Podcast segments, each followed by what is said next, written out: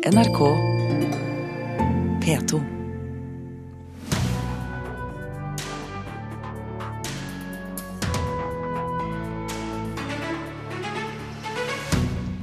Kraftig kritikk mot Sylvi Listhaugs ordbruk på Facebook. Nei, folk setter pris på hennes tydelighet, mener statsrådens Facebook-rådgiver. Fleecegenseren er en skikkelig miljøversting. Norsk klesbransje risikerer å måtte legge fra seg syntetiske materialer. Og Gunstein Bakkes nye roman er en stor litterær prestasjon som setter seg i muskler, hjerte og lunger.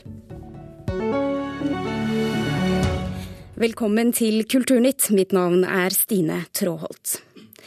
Statsråder og politikere har et spesielt ansvar for hvordan de ordlegger seg på Facebook og i sosiale medier.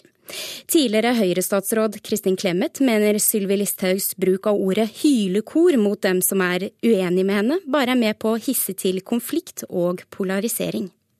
Politisk redaktør i Nordlys, Skjalg Fjellheim, tror at sosiale medier nå er i ferd med å ødelegge den demokratiske samtalen. Det er grunn til bekymring fordi det vi ser, er at uh, måten Listhaug bruker uh, de sosiale mediene på, bidrar til en ekstrem polarisering i den politiske diskursen. Og jeg mener det er urovekkende å se så skarpe ytterkanter i den politiske debatten som vi ser i dag. Det sier politisk redaktør i Nordlys, Skjalg Fjellheim, etter det som ble den store saken i norske medier i går. Skuespiller og lokalpolitiker for Arbeiderpartiet i Stavanger, Kristoffer Joner, sitt Facebook-oppgjør med innvandrings- og integreringsminister Sylvi Listhaug. Der oppfordret han folk i en post til å donere 100 kroner til NOAS, eller Norsk organisasjon for asylsøkere, som det står for. Hylekoret tar helt av, svarte Listhaug med på sin egen Facebook-side. På kommentarplass i avisene sine konkluderer nå både Fjellheim og VG-kommentator Hans Petter Kjøli med at dette er det seneste eksempelet på at sosiale medier er i ferd med å ta livet av den demokratiske offentlige samtalen i Norge. Hun har jo et ansvar for å være statsråd for hele den norske befolkninga, ikke bare kjerna av Fremskrittspartiets velgere. Og den populismen som det er et uttrykk for, er jo helt avhengig av å skape skarpe fronter i befolkninga. Det ser ut til at eh, Listhaug og hennes eh, rådgivere er opptatt av å skape og legge til rette for disse skarpe frontene. Også Listhaugs partikollega Per Sandberg har fått kritikk for dette, etter at Dagsavisen-kommentator Hege Ulstein sammenlignet Listhaug og Donald Trump tidligere denne uka, havnet Ulstein og Sandberg i debatt i Dagsnytt 18. En av dem som styrer landet, sitter her. Per Sandberg, nestleder i Frp. På din Facebook-side skriver du 'Stakkars, stakkars Hege Ulstein, stakkars kvinne, stakkars journalist'. Hvorfor er det synd? Som NRK avslørte i går, viste det seg at det sto et reklamebyrå bak Joners innlegg. Mange følte seg dermed lurt, men til VG i dag sier Joner at han mente at dette kom klart fram, og at han er stolt over det han har fått til. Han understreker at han ikke har fått betalt, og mener at han har vært med på å skape bevissthet om noe han er opptatt av. Joner kommenterer ikke måten Listhaug og andre politikere opptrer i sosiale medier på, men temaet opptar mange. På lederplass skriver Aftenposten i dag at statsråder har et spesielt ansvar for en redelig debatt. På sin egen blogg skrev Tankesmi-leder Kristin Clemet om det samme. Jeg mener at jeg prøvde å skrive et saklig innlegg for å drøfte eh, hva som er en rimelig språkbruk på et så sensitivt felt som innvandring og integrering. Så jeg mener at Det vi ser rundt oss i Europa og USA, det er jo veldig mange samfunn som er veldig polariserte. og Da syns jeg spesielt statsråder, men kanskje også andre, har et visst ansvar for å føre en noenlunde saklig og nyansert debatt. Så til slutt eh, Kristin Clemet og reporter Nikolai Volsdal. Og nå skriver Kristoffer Joner på Facebook at um, han, for å sitere han, skriver 'hallo til hylekoret, bra jobba folkens'. Hvis noen føler at posten og budskapet som ble postet på Facebook i går, som jeg for øvrig stiller meg 100% bak, var et resultat av et samarbeid med aktører så ja, da er jeg 100% skyldig. Men det er synd at noen skulle ende opp med å misforstå det faktum at vi har startet denne innsamlingsaksjonen i samarbeid med noen. Da skal jeg få ønske velkommen til Espen Teigen, politisk rådgiver for eh, Sylvi Listhaug. Velkommen til Kulturnytt. Mange takk. Du har vært med på å bygge opp Facebook-siden til eh, Sylvi Listhaug, og du er ofte også den som svarer i hennes sted på Facebook. I går kveld så rundet dere 100 000 følgere på Facebook, og i Dagens Næringsliv så blir Listhaug utropt til den politikeren som skaper mest engasjement på nettopp Facebook. Når dere omtaler de som er uenige med Listhaug som et hylekor, hva vil dere da med det?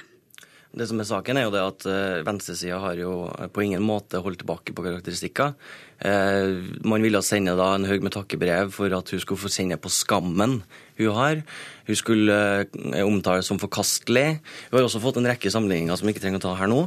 Men poenget her er det at uh, når man har en sånn debatt, så må man også kunne, når man byr opp til dans, så må man tåle å bli dansa med.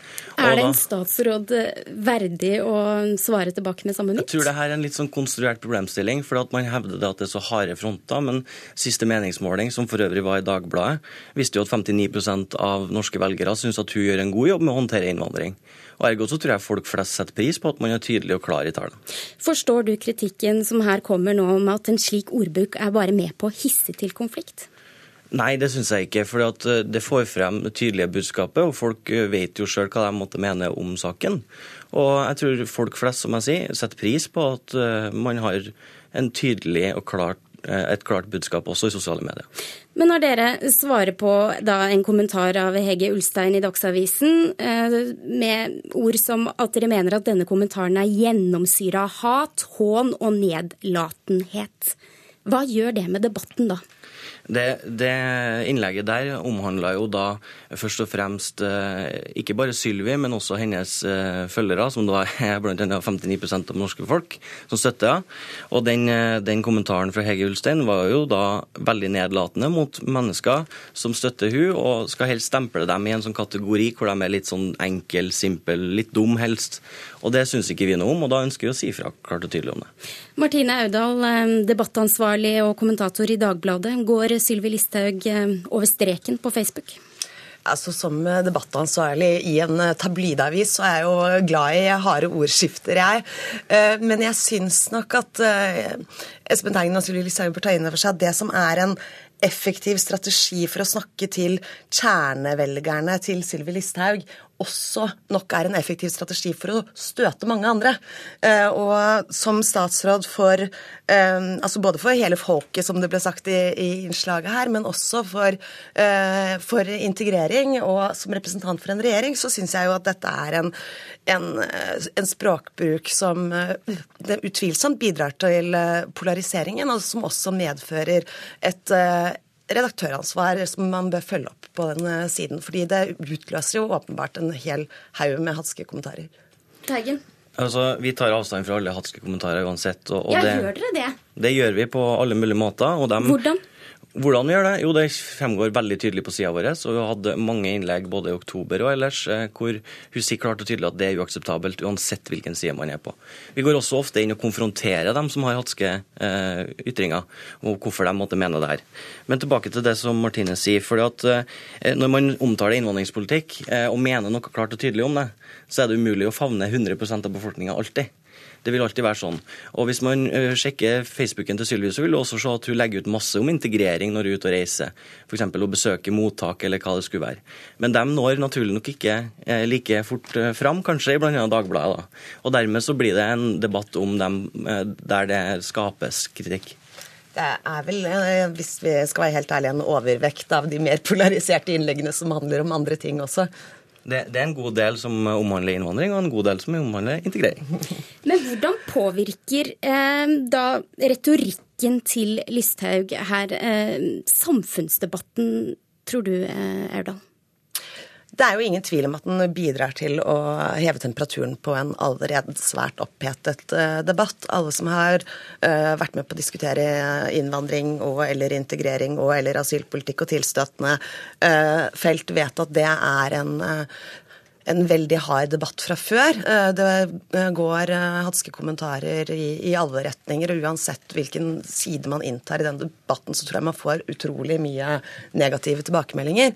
Og sånn sett så Eh, tror jeg det er eh, Eller det er jo ingen tvil om at det er veldig mange som har deltatt i den debatten, som har trukket seg fordi de har syntes det har blitt uh, for belastende. Mm. Og at denne typen spissformuleringer er med på å, å høyne det debattnivået ytterligere, mener jeg er helt åpenbart.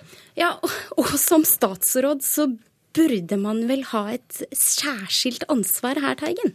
Som dere ikke da tar? Det er jeg helt uenig med deg for eh, Det har gått altså, sånn, eh, helt siden jeg begynte som rådgiver, og før det, så har det vært uh, gått med sport i å liksom vri og vrenge mest mulig på det Sylvi sier, og få det til å fremstå som noe annet enn det det egentlig er. Og så kritiserer man da en stråmann, nemlig det man har kritisert det og misforstått det til å bli. Så det tror jeg er særlig produktivt og oppnår veldig lite, egentlig.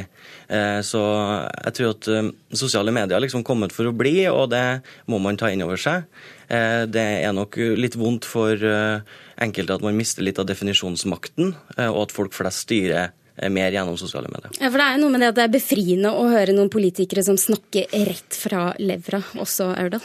Ja, men jeg vil jo påstå at det for det også gjør jeg ganske ofte og hyppig i de tradisjonelle mediene. Jeg syns det er interessant at du igjen drar inn jeg har hørt de siste dagene, eh, argumentet om at eh, liksom, vi i mediene som er redde for å miste definisjonsmakt, som vel ble brukt mot Hege Ulstein eh, her om dagen også. Det dreier seg ikke om det, altså. Jeg vil jo selvfølgelig veldig gjerne ha spenstige innspill fra statsrådene i Dagbladets spalter også, ikke misforstå, men vi er da også hyppige brukere og tilhengere av eh, sosiale medier. Jeg har på ingen måte noen ambisjon om å, å utrydde det. Men, men når vi legger ut saker på våre sider på Facebook, eh, så har vi et, eget team som eh, følger den debatten kontinuerlig, og som fjerner det som går over streken, og utestenger folk som ikke skal være. Og det er vi er opptatt av, fordi vi definerer dette som et Det er jo ikke juridisk del av redaktøransvaret, men vi mener det er en moralsk eh, plikt som mm. dere også har, og som dere kan være flinkere til. Altså, nå var jo f.eks. Uh, utsagn om Kristoffer Joner som Quisling og Landsviker mm. ble jo stående ganske mange timer. Mm. Det ble liggende lenge, Teigen. Det ble mange tusen kommentarer som kom inn, og vi prøver så godt vi kan. Men, men det ble liggende i flere timer. Var det riktig? Men i motsetning Jeg skulle gjerne fjerna det øyeblikket det ble lagt ut, men også i motsetning til Dagbladet så har ikke vi en veldig stor stab eh, som kan jobbe med det her. Det er bare men, jeg og Sylvi som kan jobbe med det. Men jeg, satt, jeg, jeg, satt faktisk hjemme og bare fulgte med på Facebook uh, den kvelden, uh, mens mannen min så på sjakk på TV. og jeg var inne og så den kommentaren gjentatte ganger gjennom flere timer, samtidig som dere var aktive i det samme kommentarfeltet feltet. Ja, men når det kommer tusen på tusen på tusen, eh, og hvis man har sittet og redigert og, kommentert og moderert Facebook-sida, så vet man at det ikke er særlig organisert, og eh, det er ganske vanskelig å finne den nåla i høystakken av og til. Og Da vil jeg oppfordre bl.a. Martine til å gjerne ta kontakt med oss og varsle oss om, om sånt. Sånn ja, det, vi, det, gjorde jo. Det gjorde jeg, og likevel tok det en stund. okay. Da sier jeg tusen takk til Espen Teigen, politisk rådgiver for Sylvi Listhaug, og Martine Aurdal, debattansvarlig i Dagbladet. Klokken er nå 16 minutter over åtte, og dette er hovedsakene i Nyhetsmorgen. Overgripere som ønsker behandling, må vente minst ett år før de får hjelp, ifølge Institutt for klinisk sexologi og terapi.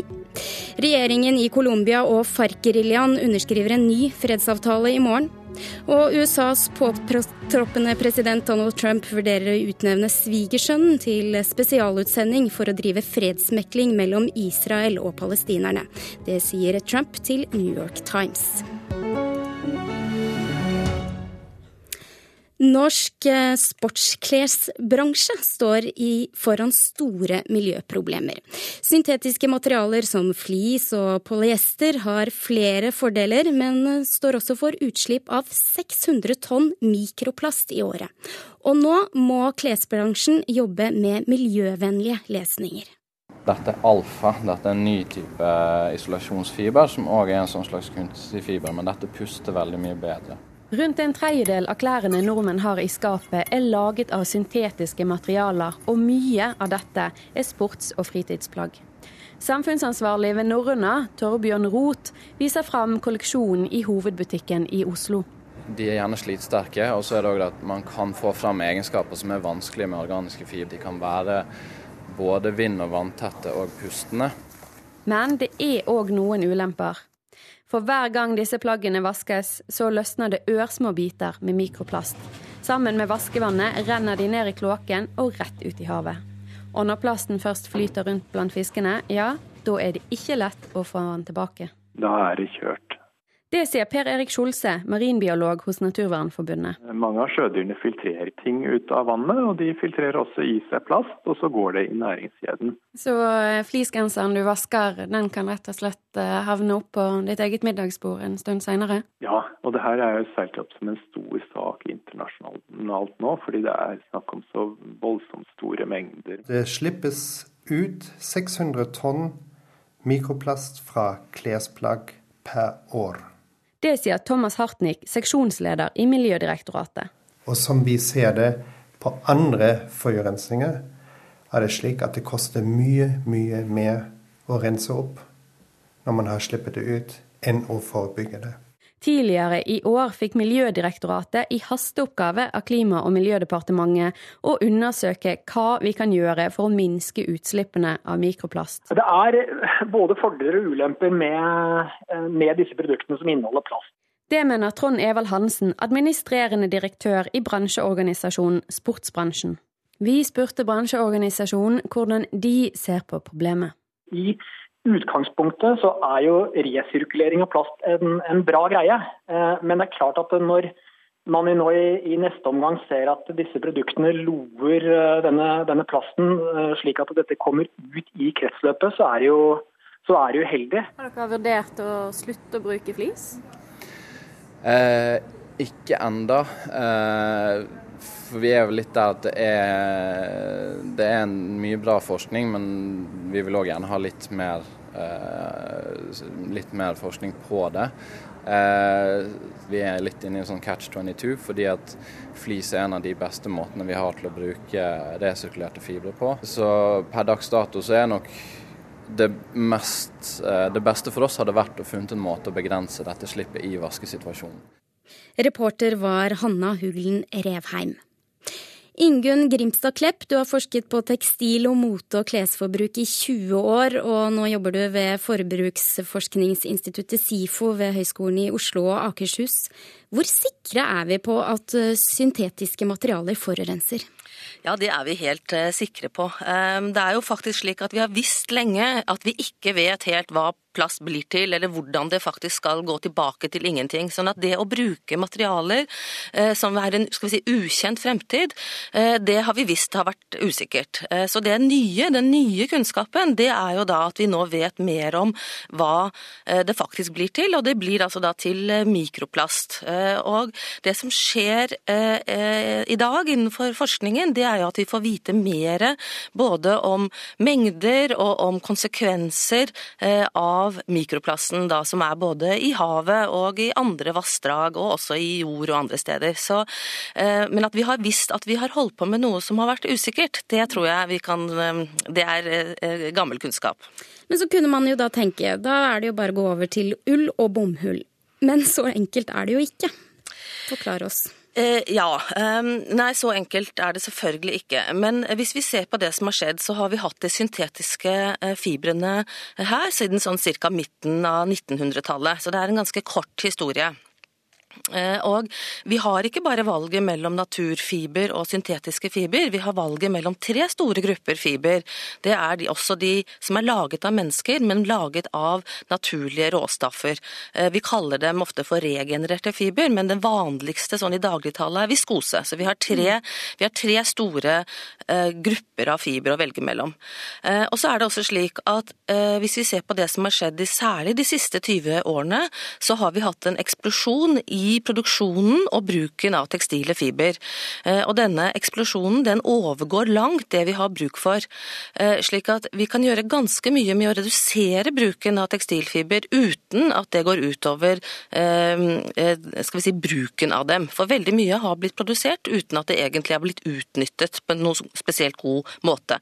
Sånn at det første vi må gjøre er å få ned produksjonen og overforbruket. Eh, både da produksjonen av det, og også vasken av det.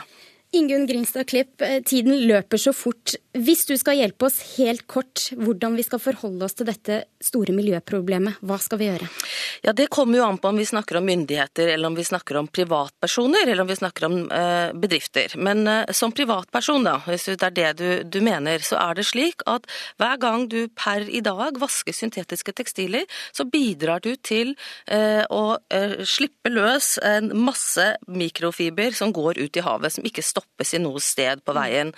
Eh, og Det er jo da et valg som hver enkelt må gjøre, om de syns det er lurt eller ikke. Og jeg tenker at vi har mange områder hvor de syntetiske fibrene er helt fantastiske, og hvor vi ikke har gode erstatninger av andre fiber. Og så har vi noen områder hvor de syntetiske fibrene brukes uten at det nødvendigvis gir noe særlig merverdi. Det er først og fremst fordi de er billigere. Eh, og jeg tenker at f.eks. det varmende mellomlaget, som dere omtaler som flis, men ofte er laget av polyester, det er et sånt eksempel på noe som vi kan løse på andre måter. Tusen takk for at du var med i Kulturnytt, Ingunn Grimstad Klepp. Det har tatt 150 år, og nå gjør et nytt tolvbindsverk, en ny utstilling og konsert her på NRK endelig stas på denne typen sanger. Og bryllupet vårt både gildt og stort, Pirion.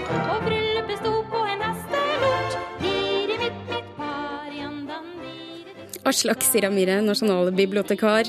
Hva er dette? Det du hørte nå, det var Mari Midtli og Kringkastingsorkesteret som øver på en konsert som skal være her på NRK i Store Studio i kveld, hvor vi framfører middelalderballader. Og hva er så spesielt med disse middelalderballadene? Det er den eldste lyden av Norge. Dette er sanger som kom til Norge antageligvis via hoffet i Bergen på slutten av 1200-tallet. Ble skrevet nye, en tradisjon hvor du altså spilte og sang historier og fortellinger. Helgenballader, kjempeballader, eventyr eller skjemteviser, tullesanger som du hørte nå, Tordivelen og Flua. Eh, disse er blitt sunget kontinuerlig, de eldste av de, i 700 år i Norge. Eh, gått fra mor til datter, far til sønn eller fram og tilbake. Sunget på husmannsplasser og gårder rundt omkring. Helt overlevde svartedauden, overlevde eh, reformasjonen, overlevde dansketida, og helt fram til det store hamskiftet på midten av 1800-tallet, hvor folkeminnegranskerne samla de inn igjen. Og Det gjør at vi synger de fortsatt. Eh, noen av de fordi at vi vet at det er gamle ballader, andre som Tordilden og Flua fordi at det er sanger vi synger. Men likevel så kjennes det på en måte ikke så så nært som et eventyr av Asbjørnsen og Mo. Hvorfor er det blitt sånn? Det tror jeg det er flere grunner til, men en av de er at det arbeidet som vi nå har sluttført, sluttføres nå. Eh, Middelalderbladene ble samla som folkeeventyra, men folkeeventyra har stått i bokhylla ved sida av Heimskringla, altså kongesagaen, eh, og en del andre verk, og liksom vært eh, grunnlaget. Sangene har blitt sunget, eh, og de er nær oss, det kan jeg love deg. Altså, hvis du har sunget Kråkevisa noen gang, eh, eller Per Spelmann, så har du sunget middelalderballade.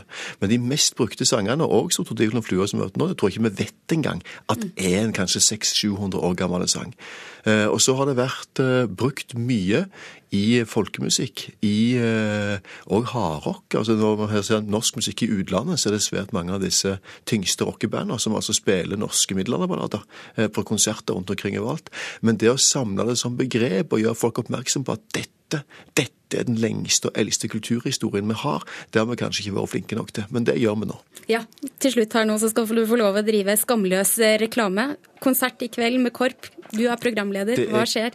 Da kommer altså Kringkastingsorkesteret og spiller, og sammen med de fire av de fremste utøverne, altså vokalistene som synger sånne sanger, Gunhild Sundli fra Gåte, Kirsten, Kirsten Båten Berg, Mari Midtli som vi hørte her, og Kim Rystad, de skal synge ulike sanger. Vi har utstilling på Nasjonalbiblioteket som viser en del av tekstmaterialet som vi har samla inn for dette, og vi har altså gitt ut tolv bind åtte bind med tekster, fire bind med melodier. Til sammen er det 6500 variasjoner over 265 sanger som nå er samla og tilgjengelig for folk.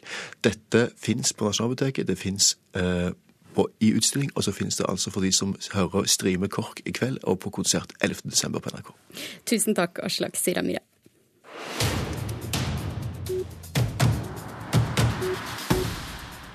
Det er en fysisk utfordring å lese Gunstein Bakkes nye roman. Det setter seg i muskler, hjerte og lunger. Og det åpner nye rom der tanke etter tanke får folde seg ut. Det skriver du i din anmeldelse på nrk.no, litteraturkritiker Anne Katrine Straume. Romanen din den heter 'Havene'. Hva slags bok er det? Det åpner med en fødsel. Havene er jo også et annet ord for å være gravid. Og denne fødselen, det er en kvinne som skal føde, og så viser det seg at hun føder en hund. Er dette et mareritt, eller hva slags, hva, hva slags, eh, fødsel er det egentlig? Um, så får vi tre historier. Den ene er om Julia Pastrana, en faktisk kvinne, meksikansk, som hadde en eh, indianerkvinne som hadde en uh, sykdom som gjorde at hun var behåret over hele kroppen, hadde et svært fremstående kjeveparti og ble kalt apekvinnen. Og ble stilt ut faktisk på sånne freakshows rundt i Europa på midt på 1800-tallet. Det er den ene historien. Den andre historien er om Finn, som bor en, i en campingvogn på en søppelfylling i Oslo. Vi er i 1979. Han finner den utstoppede varianten av Julia Pastrana. For hun ble faktisk, både hun og sønnen, de to døde i barsel, de ble utstoppet og stilt ut etter sin død, og ble altså funnet igjen i Oslo. 100 år senere. Og så møter vi Kira, den siste, som er en ung kvinne som er med på å følge levningene i 2013 til Julia Pastrana tilbake til Mexico, hvor hun skal få en anstendig begravelse. Og denne historien har blitt en stor litterær prestasjon, mener du. Forklar oss hvordan. Ja, Det Gunstein Bakke gjør, er at han åpner jo litt sånn mystisk da, med denne fødselen. Og så er vi på en reise, vi vet ikke hvem det er som reiser på et tog og ser hester beveger seg i landskapet. Det er snakk om um, øyeblikk, å holde øyeblikk fast i tiden. Hva tid egentlig er. Hva en menneskekropp er. Dette hulerommet som fylles av annet liv. Denne kvinnen som skal følge Julia Pastrana til, over til Mexico, hun er selv gravid etter en voldtekt, men vil beholde barnet. Hvorfor vil hun det? Er dette et barn som ingen kanskje vil ha? Samtidig så trekker han noen linjer til f.eks. Eh, insekter som innkaples i rav. ikke sant? Dette levende vesenet som plutselig er stivnet. Og der er også Pastrana blir stivnet, og hun blir utsatt for andres blikk. Så hele veien så åpner han nye rom, nye tanker og nye erkjennelser, rett og slett, eh, i hva det vil si å være et menneske, hva et liv er, hva tiden som ruller og går, og som av og til holdes frem i øyeblikk, men som kan være gjentagende og gjentagende, også ha disse hulrommene.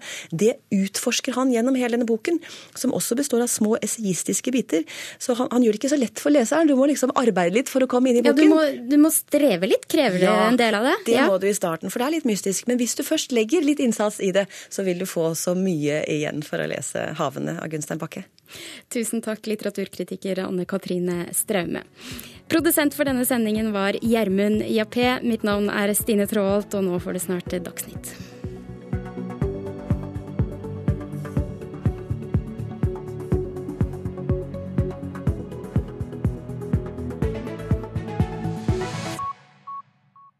Hør flere podkaster på nrk.no podkast.